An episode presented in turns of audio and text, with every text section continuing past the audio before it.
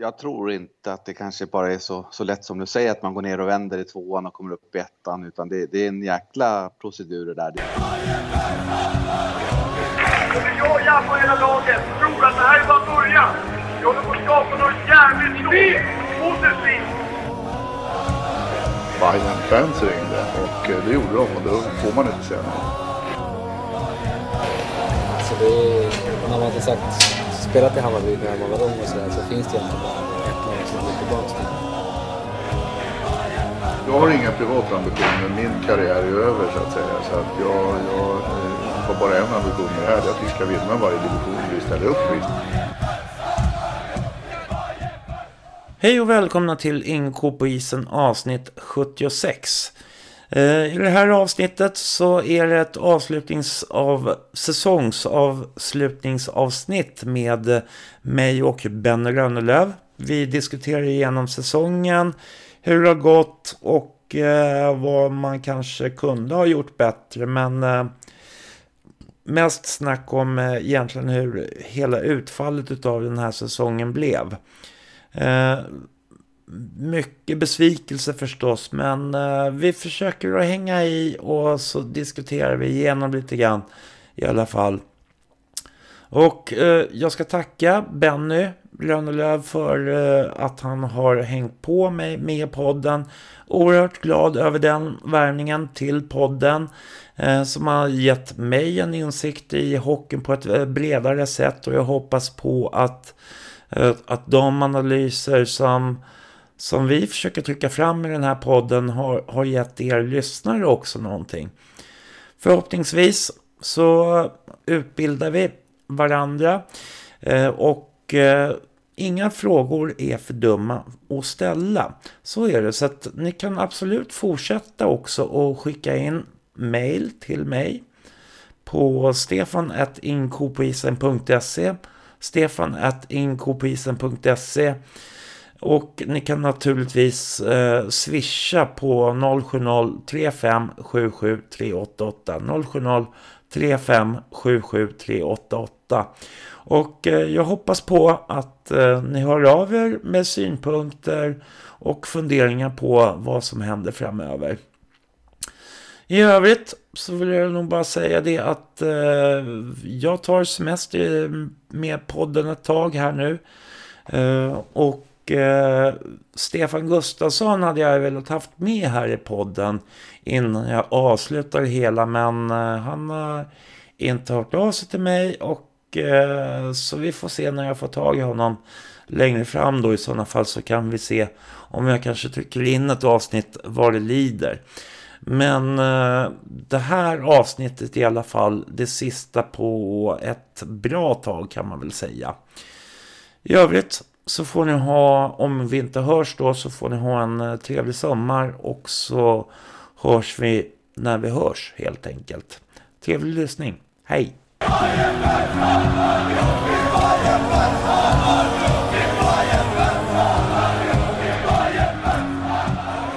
Hej och välkomna till eh, Inko på isen och med mig så har jag min eh, kumpan och vad heter det? Uh, vapendragare. Vapendragare. Ben Rönnelöv. Ja, hej, tack. Hur är läget? Jo, man har slickat såren här nu under någon veckas tid så att ja, det är alltid jobbigt tycker jag när, när klubben i sitt hjärta, som i det här fallet, då ramlar ur eh, division 1 och även förlorar derbyn i, i fotbollen. Då, så att, ja, eller inte derbyt, jag ska säga premiären. Ja. Eh, så att, eh, ja, nej men nu, nu är man på banan igen. Mm.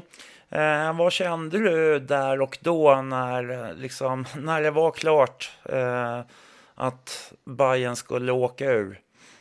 Ja, alltså det är inte kul. Nu hade man ju det lite grann på känn eh, under en längre tid tyvärr ska jag säga. Eh, att vi inte hade materialet som, som skulle räcka. Men, men när det väl så, så att säga sista spiken slås i kistan då, då, ja, då blir det jobbigt, så är det ju. Mm. Eh, men, men eh, som sagt, man har ju gått och haft det på känn under en längre tid. Men det hoppet är det sista som överger en och då vill man ju verkligen tro på det. Eh, men men ja, ska man vara ärlig så har man ju kanske sett det rätt tidigt att det inte skulle hålla. Mm.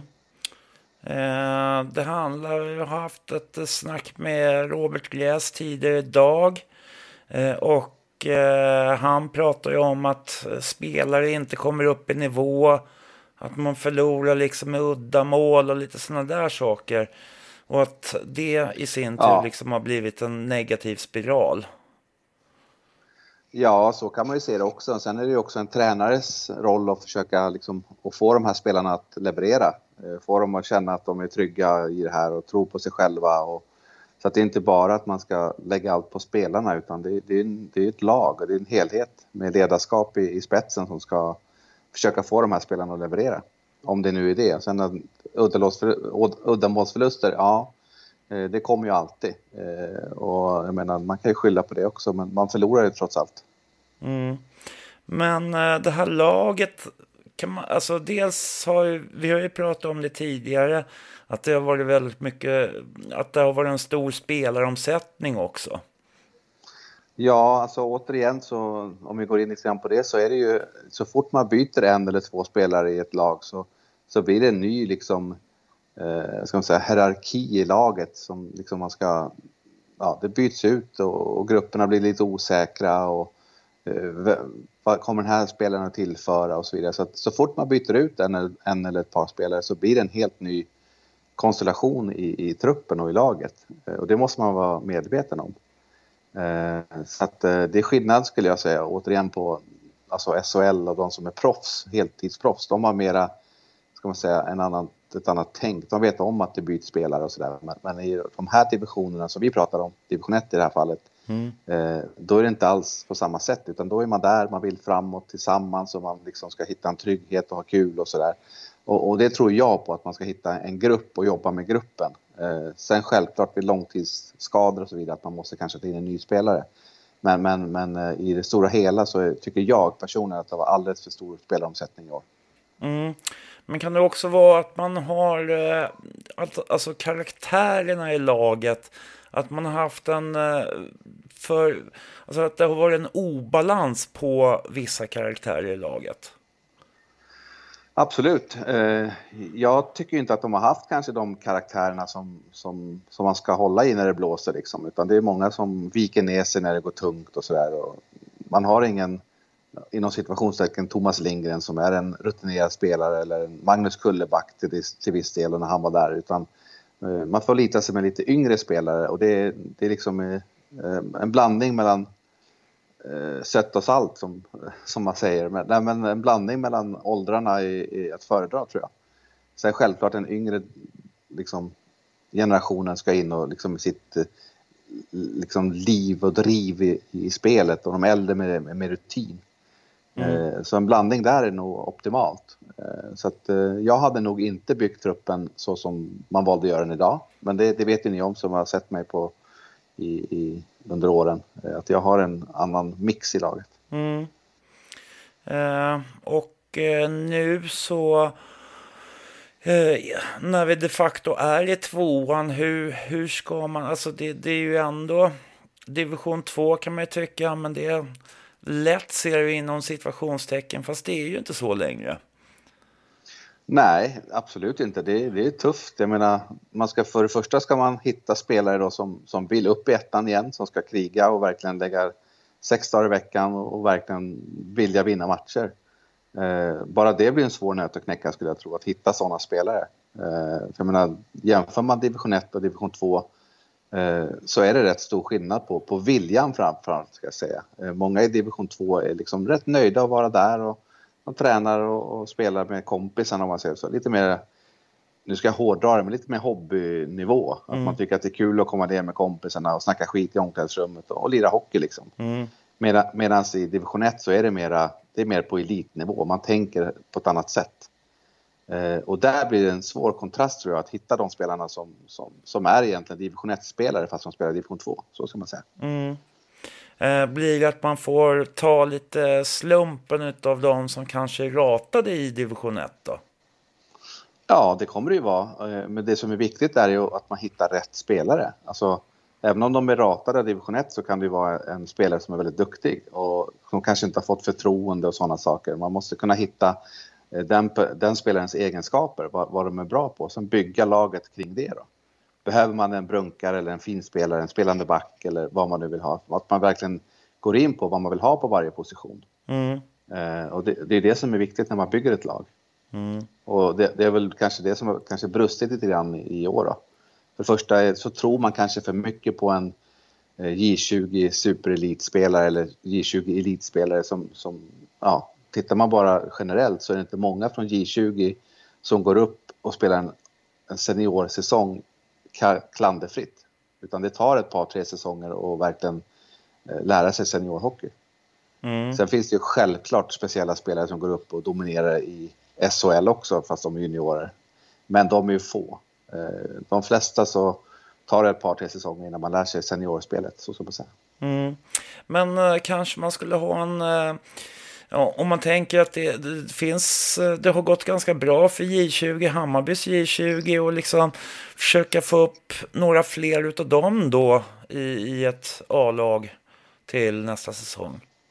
Ja, absolut. Det var ju det när jag satte igång med, med egentligen från ungdomssidan när vi startade Hammarby, eller Bayern Fans ungdom hette det ju då, eh, och hela vägen. Då var ju min målsättning att vi skulle skaffa en röd tråd och i den röda tråden står egentligen- allting vad som gäller ungdomsishockey upp till juniorhockey och A-lagshockey.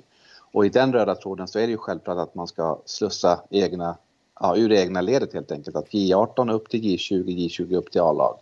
Men det har varit ett rätt stort kliv mellan J20 och division 1, så kan man säga. Mm. Eh, vilket innebär att man kanske inte har lyft så många från egna led. Men, men eh, självklart så vill man göra det. Mm.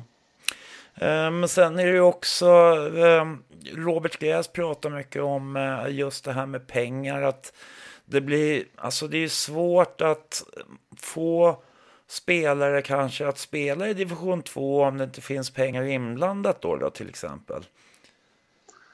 Ja, division 2 tror jag inte det är så många som har betalt faktiskt. Det tror inte jag. Eh, någon tusenlapp kanske de bästa har, men inte, inte mycket mer. Men däremot i division 1 så behöver man kanske locka med lite mera eh, resersättningar eller någonting sånt. Men, men tittar man bakåt i tiden i Hammarby, ja, från min tid och, och innan mig också, så, så har det inte funnits några pengar. Och det innebär ju att man måste hitta spelare som, ja, som vill spela för klubbmärket och vill framåt i sin, liksom, i sin idrott, alltså i ishockey i det här fallet. Mm. Eh, och försöka få dem att verkligen gå in med hull och hår och kriga för Hammarby och, och sig själv och sitt varumärke för att kunna ta sig vidare till ja, antingen någon annan serie eller uppåt i seriesystemet eller liknande. Så det gäller verkligen att, att sälja in ett, eh, ett Hammarby som, som vill utveckla spelarna, så ska man säga. Mm. Eh, och, och det var ju det jag ville liksom förmedla när jag värvade mina spelare. Ja, just det. Men, men det är ju också, jag kan ju tycka liksom också att det, det blir det här, alltså helhetsgreppet kanske man måste ta tag i i hela föreningen, inte bara i laget utan överhuvudtaget i styrelse, hur, hur de sköter media och sådana där saker. Och det har vi pratat om i flera, flera år egentligen, att eh, vi måste ha kanske en, en styrelse som tänker mer som, en, som, ett, eh, ja, men som ett företag. Liksom, att man liksom drar in pengar och det ska liksom, det finns struktur på, på allting och hur man går tillväga och marknadsgrupper hit och dit och, och sportchefer och så vidare. Så att, men, men däremot behöver, tycker jag, då ska jag säga, att man behöver inte åka ur en division för att försöka få koll på det utan eh, hade man varit i division 1 och kunnat jobba med det ändå så hade det varit ännu bättre. Så är det ju bara. Mm. Jag menar, nu, nu ska ju Hammarby också starta upp en, eh, ett hockeygymnasium. Då vill man gärna ha en klubb i division 1, minst. Så att jag menar, på många aspekter tycker jag att det var väldigt tråkigt att Hammarby, Hammarby vad heter det, åkte ut. Eh, och sen är det ju det här med tränarbiten. Jag menar, vem ska ta hockeygymnasiet? Eh, vem kör J18? Vem kör J20? A-lag och så vidare. Det blir liksom en... Eh, nu blir det en helt ny vad ska man säga, organisation på, överallt. Mm. Och det är inte bara bara heller, utan det, det är ett arbete som måste göras. Ja, för, för där tycker jag ju också, det, det är ju lite grann det här med långsiktiga tränare och jag hade väl nästan tyckt faktiskt att man istället hade låtit eh, liksom Filip, Filip Algeman att köra liksom hela linan ut hela säsongen istället för att slänga in eh, Stefan Gustafsson i slutet här. Ja, i, med facit i hand så spelade det egentligen ingen roll. Eh, men, men däremot tänker Hammarby i en annan situation att, att Gustafsson ska vara kvar nu under nästa säsong, att man vill ha in honom. Ja, då är det väl rätt. Men, men eh, Men eh, jag hade nog, om jag hade tänkt tränarbyte ska jag säga, hade jag ringt någon etablerad tränare, det pratade om förut, och, och kring jul. Så ska jag säga. Bytet kom för, för sent i min värld. Mm. Ja, det, det är väldigt lätt att, och komma med kommentarer nu så här i efterhand på något sätt och säga liksom, ja men nu, nu blev det si och så, så, så där på något sätt. Absolut. Tittar man historiskt bakåt så har ju tränarbytena när vi har bytt tränare har ju varit kring, kring jul. Just för att man ska hinna få in ett nytt spel och ett annat eh, tänk då bland spelarna. Eh, I alla fall när jag var i, i, alltså som sportchef så ville jag ju att den nya tränaren skulle få möjlighet att få in sitt spel då, mm. innan det blev de här viktiga matcherna. Mm. Men jag menar, tittar vi på Brynäs nu som böt sitt, så jag menar, de har ju ingen koll heller, men de har vunnit två matcher direkt. Så att, eh, det, är, det är starkt. Mm. Men räcker det? Ja, det återstår att se, men jag, jag tror Brynäs kommer klara det. Det tror jag. Mm. Eh, men, men eh, ja, det ska bli spännande att följa själva, om vi tar Hammarby nu då, så ska det bli mm. spännande att se, se liksom, säsong, säsongen som kommer, hur, hur vi står rustade. Mm. Uh, för det, alltså jag var väl lite grann det där, liksom, jag skulle ju nästan, jag var inne på att fan, jag vill inte se en enda spelare kvar i truppen. Uh, då frågar jag dig istället att uh, Tycker du att man ska börja om från scratch eller ska man behålla en del spelare som ändå eh, kanske har en potential? Man ska behålla, absolut. Eh, de som man tror på, de som man ser har tagit steg framåt och de som har visat karaktär och så vidare, de, de ska man verkligen satsa på tycker jag. Eh, just för att man ska behålla stommen, de som vill framåt, de som vill upp. De har ändå spelat division 1 i år och vet vad som krävs. Mm. Eh, väldigt svårt att ta in 20 nya spelare. Det, det är jättesvårt.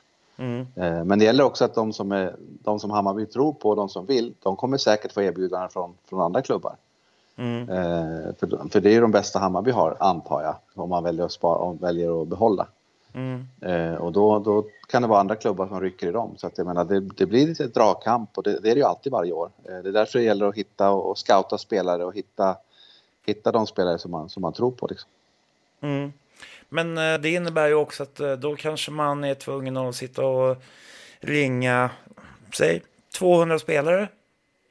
Ja, det kan det vara. Eh, ofta så får, får, man ju mejl och, och, agenter ringer till en och, och liksom erbjuder spelare och sådär. Så att man får lite gratis, eh, men, men absolut inte mycket. Det gäller att du verkligen krigar och framförallt om du då ska bygga ihop ett lag, att du liksom säger jag vill ha x antal spelande backar, jag vill ha någon power forward, jag vill ha en spelande forward, jag vill ha alltså det man vill ha.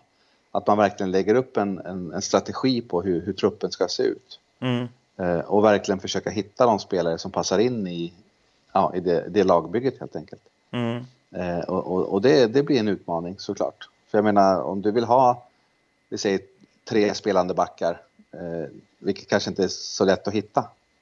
Mm. Eh, och då måste du kanske ha en 6, 7, 10, 12, 15, 20 namn på den platsen. Mm. Så att eh, det, är inte bara bara, utan man måste ha jäkla spelar eh, scouting om man säger så och även ha mycket kontakter runt om i, i, liksom i, i ligorna både uppåt och neråt för att se vad som, vad som händer.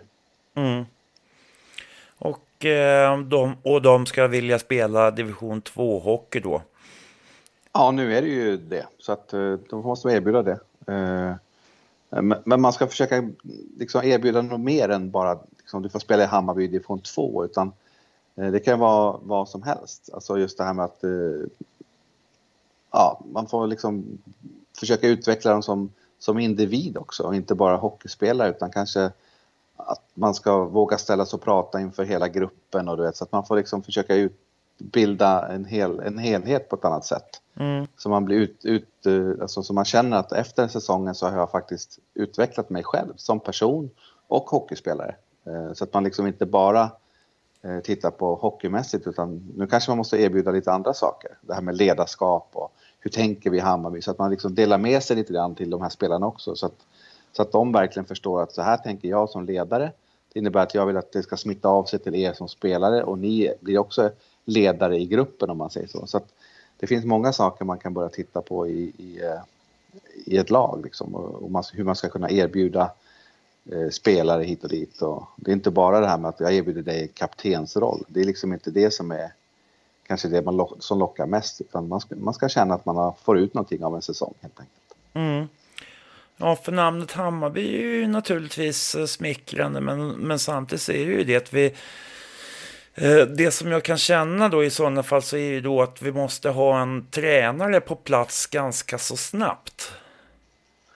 Ja, och jag utgår från att eh, eftersom de har gjort bytet här med, med Gustafsson så utgår jag från att det är han som kommer köra nästa år. det är vad jag tror. Mm. och då är det då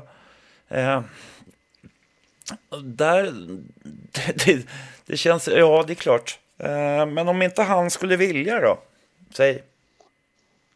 Ja, då måste man ju ha ett par andra namn såklart på pappret som man vill ha. Eh, och det, det, har man nog redan börjat med. Jag menar, nu vet inte jag om Gräs kommer fortsätta som sportchef eller om han ska in i någon marknadsgrupp. Jag har ingen aning. Men jag menar, om inte han ska vara kvar som sportchef så måste man hitta en ny sportchef. Och då ska den sportchefen hitta en ny tränare och så vidare. och så vidare. Så det, är, det är många bitar som ska falla på plats nu när det, när, när det är så här. Jag menar, förra våren har det varit division 1 och så vet man att, tränaren blir kvar, okej okay, då jobbar han med sin grupp och så vidare. Så då har man liksom halva jobbet gjort redan. Mm. Men, men, men, nu, nu är det liksom nästan från scratch med, med allting. Mm. Nu, är, nu är inte jag så involverad i, i, så att jag vet inte hur tankarna går i, i styrelse och så vidare. Eh, så att, eh, men, men det är mycket jobb nu, det, det, det kan jag tro. Mm. Eh, för att, ja, precis. För att det, det är det som jag också tänker att det som har varit i Hammarby under liksom säsongerna här nu. Det känns ju som att det har varit väldigt få personer som har fått göra väldigt mycket och därför så blir det liksom lite på mellanhand med eh, kanske inte sporten några men, men just allting som är runt omkring med sponsorer och hur vi träffar sponsorer och, och liksom sköter den biten så att man får upp ett intresse för Hammarby. Och eh, dessutom så har vi det här med publiken, att få folk att tycka att det är kul att kunna gå på Hammarby. Ja, exakt. Och det har ju varit en utmaning, egentligen ska jag säga, sedan, sen Bayern Fans-tiden. Eh, för när Bayern Fans var igång, då var det ju ja, supporternas förening. Eh, och det var supportrar på varenda match och det trummades och det skreks och det var liksom värsta draget kring Hammarby Hockey. Eh, men sen när vi klättrade divisionerna och vi började till Hammarby igen och så blev det mindre och mindre publik eh, och, och egentligen färre och färre personer runt omkring som drog in sponsorer och så vidare. Så det var det jag nämnde lite grann i början här, för jag tror att man, man behöver ha en styrelse som tänker mer som ett företag. Mm. Eh, och får man till det så, så hoppas jag och tror att det kommer bli mycket bättre. Men återigen så är det på sidan av hockeyn, men matcherna spelas på isen och det är där man måste vara stark såklart. Och jag tror inte på att man ska köpa ihop ett lag eh, i division 2, det tror jag inte. Nej, utan få in mer folk med Hammarbyhjärta då? Ja, absolut. Och sen självklart betala kanske vissa spetsspelare, men man kan inte betala alla spelare. Det är helt omöjligt i min värld. Mm. Men eh, jag vet att eh, Hammarby Hockey har velat eh, ha någon slags diskussion med, med Bayern fans om eh, supporterspelare men eh, där känns det som att man kanske ska göra, alltså de har väl kanske sagt då att eh, de gärna stödjer Hammarby men inte på det sättet som det vart nu med den här supporterspelaren. Nej, precis. Jag vet inte. Det var väl ett par, tre supporterspelare i år, va? Tre stycken, eller fyra stycken vart det till slut. Ja, exakt. Eh, och i min värld tycker jag att sådana spelare ska ju vara extremt, alltså det ska vara riktiga spetsspelare. Eh, tycker jag. Eh, så att jag menar, men det är svårt att få till kanske. Eh, mm. Men, men eh, i min värld så är det supporterspelarna ska vara liksom en klass extra liksom. Mm. Men då är det kanske, för att om man tänker så här, om man, om man har en tuss på säg 100 000 då, är det inte bättre då att satsa liksom 50 000 på vardera spelare och ha två stycken spelare som kanske är lite bättre? Jo, absolut. Återigen så är det ju tränaren som kommer bestämma eh, vad han vill ha. Så att det där är också återigen lite tyck och tänk. Menar, vissa kanske räcker med två spetsspelare. Det kan vara två snipers som gör mål i varenda powerplay liksom, Mm. till exempel. Eh, eller någon defensiv klippa. Eh, så att, eh, eller en målvakt, varför inte? Mm. Så att jag menar, det, men återigen så kommer ju tränaren bestämma vad han, liksom vilka spelare han vill ha och, och hur han vill bygga sin trupp. Men eh, supporterspelaren tycker jag ska vara ett, liksom, ett steg till.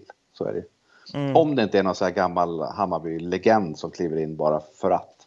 Då kan det vara så här, här är en supporterspelare. Mm. Men, men då kanske man inte ska satsa så mycket pengar på den personen om det inte är någon riktigt bra. Då. Nej, just det. Ta in Jalkerud. Ja, men han är också lite grann upp till åren. Så Ja. han, skulle, han ska vi nog inte satsa så mycket pengar på.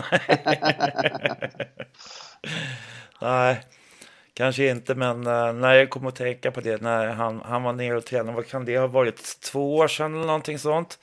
Och så var Ja, han exakt. väl med och körde några träningar och några få matcher, men, men just den inställningen som han hade eh, hela tiden var ju liksom, det kändes proffs. Mm. Det stank proffs om honom på något sätt. Ja, men absolut. Eh, Och det är ju de spelarna man vill ha eh, som, som verkligen går in. Det spelar ingen roll om det är träning eller match. De är, hund- de är där hundra, de stämplar in varje dag. Eh, Och jag menar, anledningen varför han slutade var för att han känner att han inte hinner med med jobb och familj och sådär. Och, och bara att kunna liksom förstå det själv är ju proffsigt. Liksom så här. Men jag, jag går inte in och gör någonting halvhjärtat utan jag går in och kör.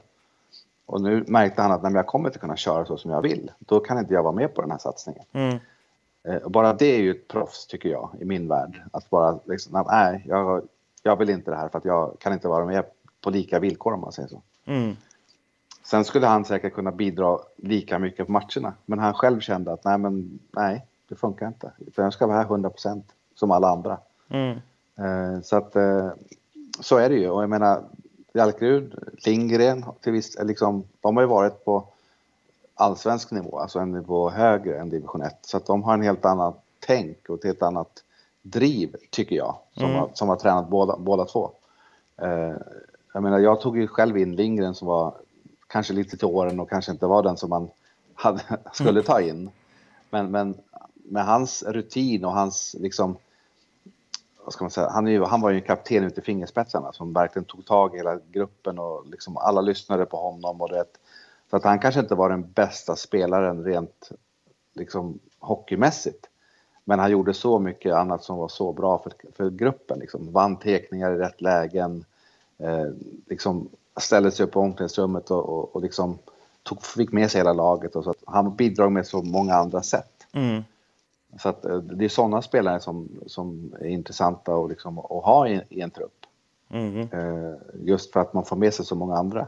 Plus att han lär ju ut, jag menar, vi hade tekningar på slutet på träningarna. Då, han som har varit med i många, många år och liksom lärde sina liksom knep i, i tekningar, hur man ska vinna tek och hur man tänker och du vet sådär. Alltid tävlingar i slutet och sådär. Så att det, det är viktigt att ha sådana spelare som har varit med lite. Mm.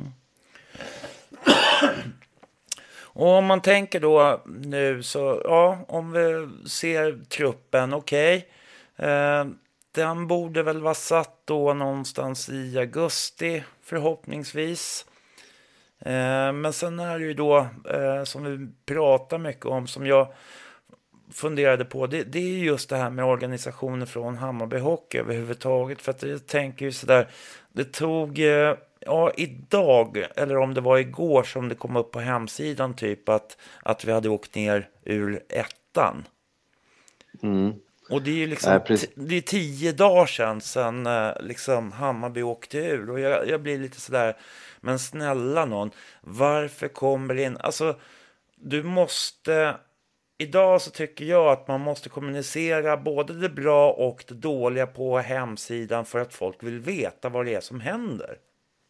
Absolut, och där återigen om vi drar bak klockan lite grann eh, till Bayern fans-tiden. Då liksom, vi hade liksom en medias, de åkte med på, på matcher, de liksom uppdaterade hemsidor och all, alla möjliga sidor och Facebook och allt vad det var.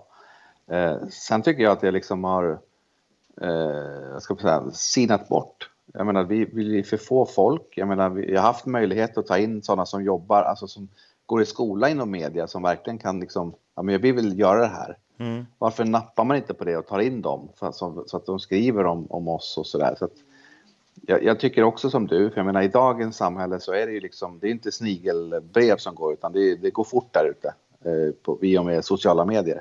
Och då måste man ut och synas där. Så att jag håller helt med dig. Eh, så att jag, en mediegrupp, absolut, som dokumenterar egentligen allt. Träningar, matcher, eh, you name it. Mm. Eh, för jag menar, man vill se det. Man vill, som du säger, man vill hänga med. Vad händer? Liksom, veckovis upp Nu på sommaren vill man ju se så okej, okay, nu är tränaren klar, nu är spelaren klar. nu sitter en ny styrelse eller vad det nu må vara. Så mm. att man hela tiden uppdaterar det. Mm. Absolut.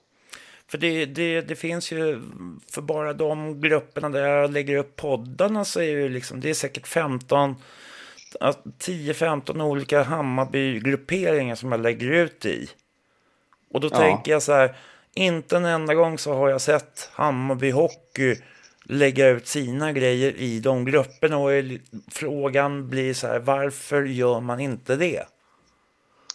Nej, alltså jag är för okunnig där ska jag säga. Så att jag, men jag håller med dig helt klart. Man ska synas överallt egentligen. Att man ska liksom få, jag menar framförallt att man ska, nu blir det svårt med publik så, men man vill ju locka publik. Eh, och jag menar få upp ett intresse och vet, så att man verkligen, ja. Det, det, och det ville jag poängtera också när jag höll på för många, många år sedan nu. Att man liksom har ett, liksom ett happening kring varje match, att det händer någonting. Eh, så att det blir något ståhej. Jag menar, kommer du ihåg Halmstad Hammers för 10-15 år sedan? Det var ju alla i Halmstad gick ju på matchen liksom, fast de visste inte ens vad det var. De spelade i division 3 eller 4 eller vad det var. Mm. Det var ett jävla go, lite grann som Bayern fans var. Mm. Liksom, det var en happening att gå på Bayern. Det var en happening att gå på Halmstad. Och det är mm. det någonstans man, man vill göra. För tittar man vad man konkurrerar mot eh, idag så är det ju Ja, det är hur mycket som helst. För om man inte bara tar all idrott så är det ju tv-spel och det är liksom alla möjliga varianter. Så att man måste ju sticka ut i mängden och få det intressant att gå på en hockeymatch. Så är det ju. Mm. Ja, onekligen så är det ganska stora utmaningar som ligger framför eh, Eh, de som håller på med Hammarby Hockey då. Eh, och då får vi se liksom lite eh, vad som händer framöver då helt enkelt. Jag ska försöka hålla någon, någon slags kontakt lite längre fram. Men det här eh, avsnittet blir ju egentligen det sista på ett ganska bra tag hade jag tänkt mig. Ja, nej, men det är som sagt det är mycket som ska göras nu. Jag menar, tittar vi vad Hammarby har framför sig så är det ju de har ju både Kärrtorp, de har Zinken, eh, ungdomsledare, damlag, eh, herrlaget i division 2 eh, tränarbitar och så vidare på alla, alla positioner. Det är hockeygym som ska dras igång. Så jag menar, det, det är mycket som ska göras nu. Mm. Och återigen hade det varit intressant kanske att följa det här med att någon som uppdaterar på nätet och så vidare. Så att, eh, det är ju intressanta saker att läsa om. Mm. Så att eh, jag är helt klart med det att det ska uppdateras flitigare just, just nu när det är så mycket, mycket som ska hända. Mm. Ja, men som eh, det lät på eh, Robert Gräs i alla fall i det samtalet så lät det som att de, de eh, håller väl på för fulla muggar och, och lite dissekerar liksom vad det är som har skett och vad man kan göra bättre. Men, och jag kan ju tycka någonstans också det där med att ja visst man säger att det här och det här behöver göras. Men också då att man följer upp det på ett vettigt sätt. För det kan jag tycka, ibland så har man sagt vissa saker att det ska vara si och så och sen så händer ingenting. Nej, men det, det, kan väl ligga lite grann på att det är för få folk också som gör för mycket. Så att man, man hinner, det blir liggande liksom. Mm. Så att äh, återigen, en bra styrelse som tänker som ett företag äh, mot sponsorer, mot spelare, ja, egentligen mot allt, mot media och så vidare. Äh, så att man verkligen driver det här framåt nu. Och liksom, när, när, man nu har bestämt sig som det verkar att man ska gå ner i division, eller nu åkte man ju ner, men när man är i division 2 och bygga upp en ny styrelse som det, som det verkar och kanske få allting på lite mer ekonomi och sådär. Att man då gör det ordentligt från början och man inte liksom hoppar över någon del utan man, man verkligen försöker sätta allting nu då. Mm. För där, där blir ju också det att de, de här eh, J20-lagen, ungdomslagen, där tycker jag faktiskt att föräldrarna måste kunna ta ett större ansvar i den föreningen som man faktiskt har sina barn i. Och vad tänker du att de ska göra? Nej, men hjälpa till med styrelsearbete eller liksom, alltså det behöver ju inte bli så mycket om, om eh, många gör några små saker. Lite så. Nej, så är det ju. Absolut. Och sen vet ju inte vi heller. Jag menar, det kan ju varit många som har erbjudit, erbjudit sina tjänster som kanske inte har, eller de kanske inte har sagt att nej, men vi behöver inte för att vi, vi är redan fullt. Eller, det vet vi inte heller. Så jag menar, det, ja, jag hoppas verkligen på att det blir någon, någon typ av eh, ändring. Att vi får in pengar nu som verkar vara den stora frågan. Eh, men eh, i min värld så har vi klarat oss inom situationstecken utan pengar i många år i division 1. Mm. Eh, så att jag hade ju hoppats på att man skulle göra den här satsningen runt omkring, även fast man låg i division 1. Och inte att man ska åka ur en serie för att behöva, behöva tänka så. Mm. Utan eh, behållit oss kvar i division 1 och jobbat liksom på sidan av att få det här som, som vi pratar om nu. Att man ändå li, ligger kvar i division 1. Mm. Det hade varit det optimala. Ja, men det, det var väl lite så att eh, vi fick egentligen ett extra år. Eh, med tanke på att vi eh, redan låg löket till i förra årets kval men att vi räddades kvar av coronan på ett sätt. Och att man då borde, där borde ju varningsklockorna egentligen ha ringt ordentligt. Ja, absolut.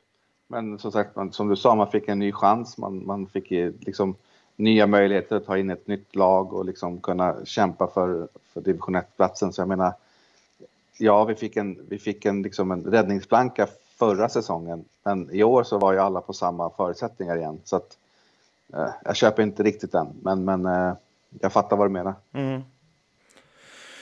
Ja, nej, men eh, vi gör väl så att vi tar och eh, tar en liten paus i Inko på isen ett tag. Jag kommer att släppa då eh, med, med det här avsnittet så är det eh, sammanlagt tre avsnitt som handlar om eh, avslutningen helt enkelt. Så att eh, eh, några avslutande ord ifrån dig till våra lyssnare tänkte jag att du skulle få fundera på.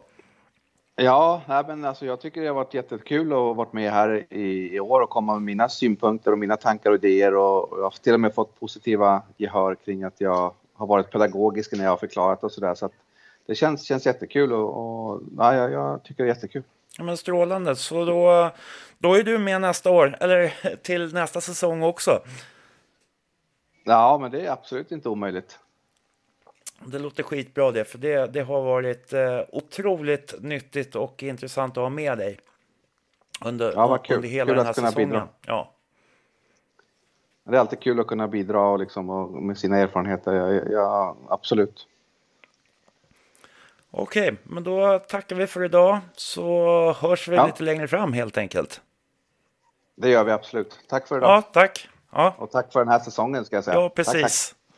Tack. Tack. tack. Hej. Hej.